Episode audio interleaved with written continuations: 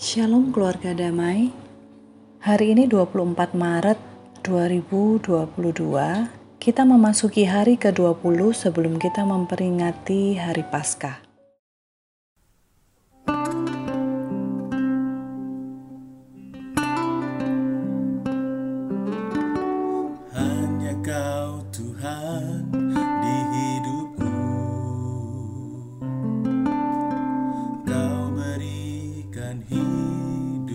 Hidup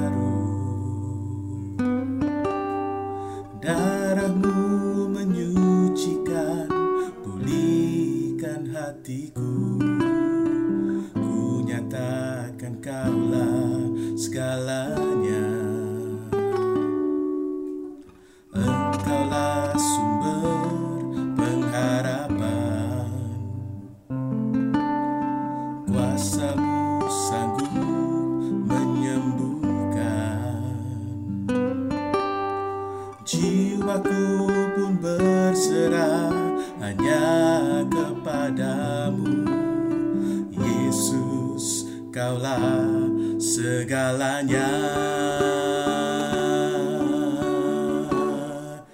Karena salibmu ku hidup. Karena salibmu ku menang. Engkau yang berkuasa sanggup melakukan mujizatmu Karena salibmu. Ku hidup Karena salibmu. Ku menang. Engkau yang berkuasa sanggup melakukan mujizatmu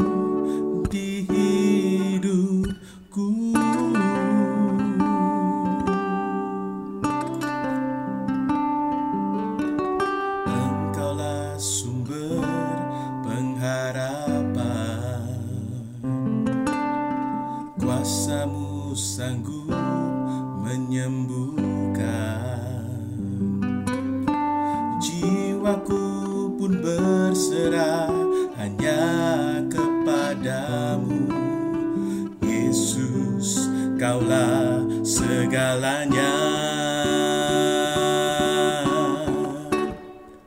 Karena salibmu ku hidup. Karena salibmu ku menang. Engkau yang berkuasa sanggup Untuk melakukan mujizatmu Karena salibmu ku hidup. Karena salibmu ku menang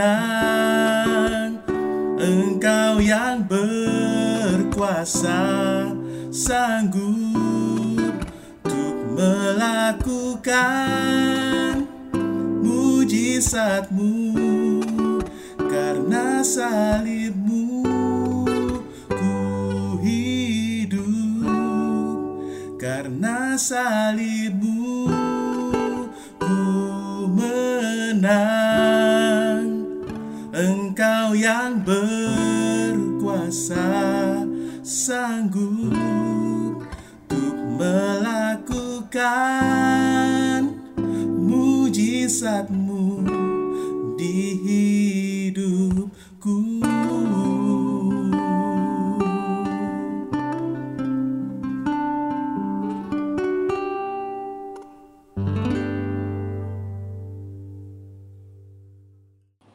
Mari kita sama-sama menyediakan waktu untuk sejenak merenungkan firman Tuhan.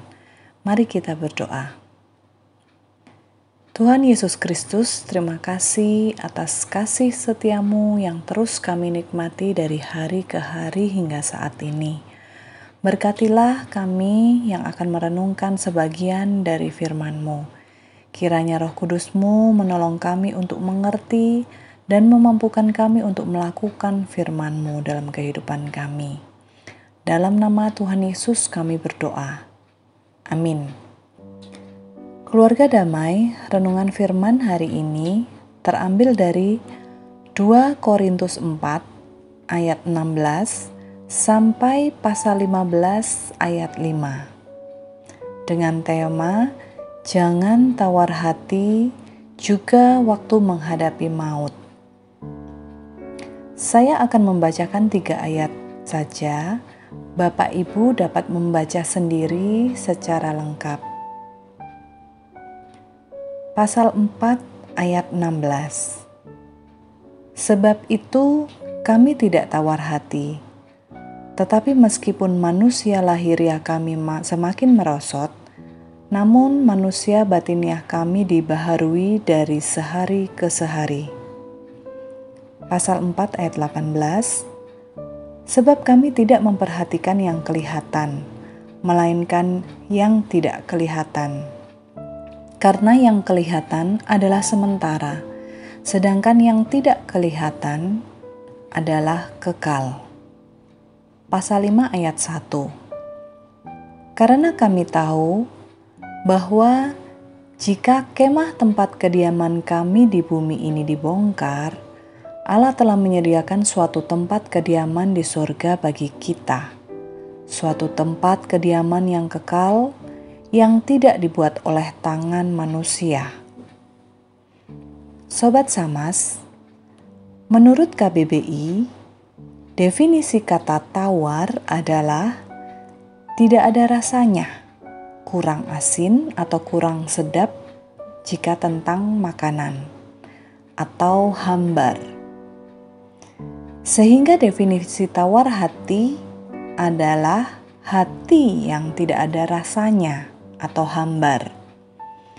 Baik itu rasa sedih, rasa gembira, rasa marah, atau rasa apa pun juga. Dan hal ini, tawar hati, itu bisa disebabkan karena putus asa, karena kecewa, karena hilangnya harapan, atau karena upaya yang sudah dilakukan tidak membuahkan hasil, atau hasilnya tidak sesuai dengan impian. Itulah tawar hati. Namun, di sini Paulus menegaskan bahwa Paulus dan rekan-rekan tidak tawar hati, meskipun secara tubuh jasmani mengalami kemunduran atau kemerosotan. Karena usia manusia yang terus bertambah, yaitu dari ke hari, tubuh jasmani kekuatannya akan semakin berkurang. Namun di sisi lain Paulus mengatakan bahwa manusia batiniah kami dibaharui dari sehari ke sehari. Di mana Paulus dan rekan selalu giat dalam pemberitaan Injil. Itulah yang membuat mereka selalu semangat dan tidak kenal lelah dalam menceritakan Kristus kepada semua orang. Walau tidak jarang mereka mengalami penderitaan demi penderitaan ketika pemberitaan Injil itu. Paulus mempunyai harapan bahwa semua orang mengenal Kristus. Inilah yang membuat mereka tidak tawar hati. Mereka memiliki motivasi yang benar, yaitu segalanya untuk Kristus. apa yang dikerjakan Paulus, yaitu memberitakan Injil, mungkin bagi banyak orang hal tersebut adalah pekerjaan yang sia-sia, yang tidak ada gunanya. Apalagi jika menerima penolakan demi penolakan. Namun satu hal yang Paulus yakini tercantum di ayat 18 yang tadi kita baca, bahwa mereka tidak memperhatikan yang kelihatan, melainkan yang tidak kelihatan, karena yang kelihatan adalah sementara dan yang tidak kelihatan adalah kekal. pemberitaan Injil termasuk dalam pekerjaan yang bersifat kekal, yang tidak bisa dilihat hasilnya dalam waktu dekat. Dan Paulus yakin bahwa Allah telah menyediakan suatu tempat kediaman di sorga bagi kita, suatu tempat kediaman yang kekal, yang tidak dibuat oleh tangan manusia. Pasal 5 ayat 1 Bapak, ibu, saudara terkasih, mari kita meneladani Paulus dan rekan, di mana hidupnya terpusat kepada Kristus, sehingga apa pun yang kita kerjakan, motivasinya hanya untuk Kristus. Jadi, jikalau kita mengalami penderitaan demi penderitaan karenanya, hal itu tidak akan membuat kita tawar hati. Dan biarlah kita selalu mengerjakan hal-hal yang bersifat kekal. Mengingat firman Tuhan dalam Kolose 3 ayat 23. Apa pun yang kamu perbuat, perbuatlah dengan segenap hatimu seperti untuk Tuhan dan bukan untuk manusia. Di mana pun kita berada, baik di tempat pekerjaan, baik di gereja, baik di masyarakat, setiap perbuatan, perkataan kita, setiap perilaku kita, biarlah itu semua mencerminkan bahwa kita takut akan Tuhan dan kita bisa menjadi berkat bagi banyak orang. Amin. Mari kita berdoa. Terima kasih Tuhan untuk firman Tuhan hari ini. Mengingatkan dan menguatkan kami untuk belajar meneladani sikap Paulus yang berpusat kepada Kristus. Ampuni kami jika dalam kehidupan kami, kami sering berpusat kepada diri kami sendiri, sehingga perbuatan kami tidak menjadi berkat buat orang lain. Ampuni kami juga jikalau kami sering kali merasa tawar hati karena apa yang kami impikan tidak terjadi sesuai dengan apa yang kami inginkan.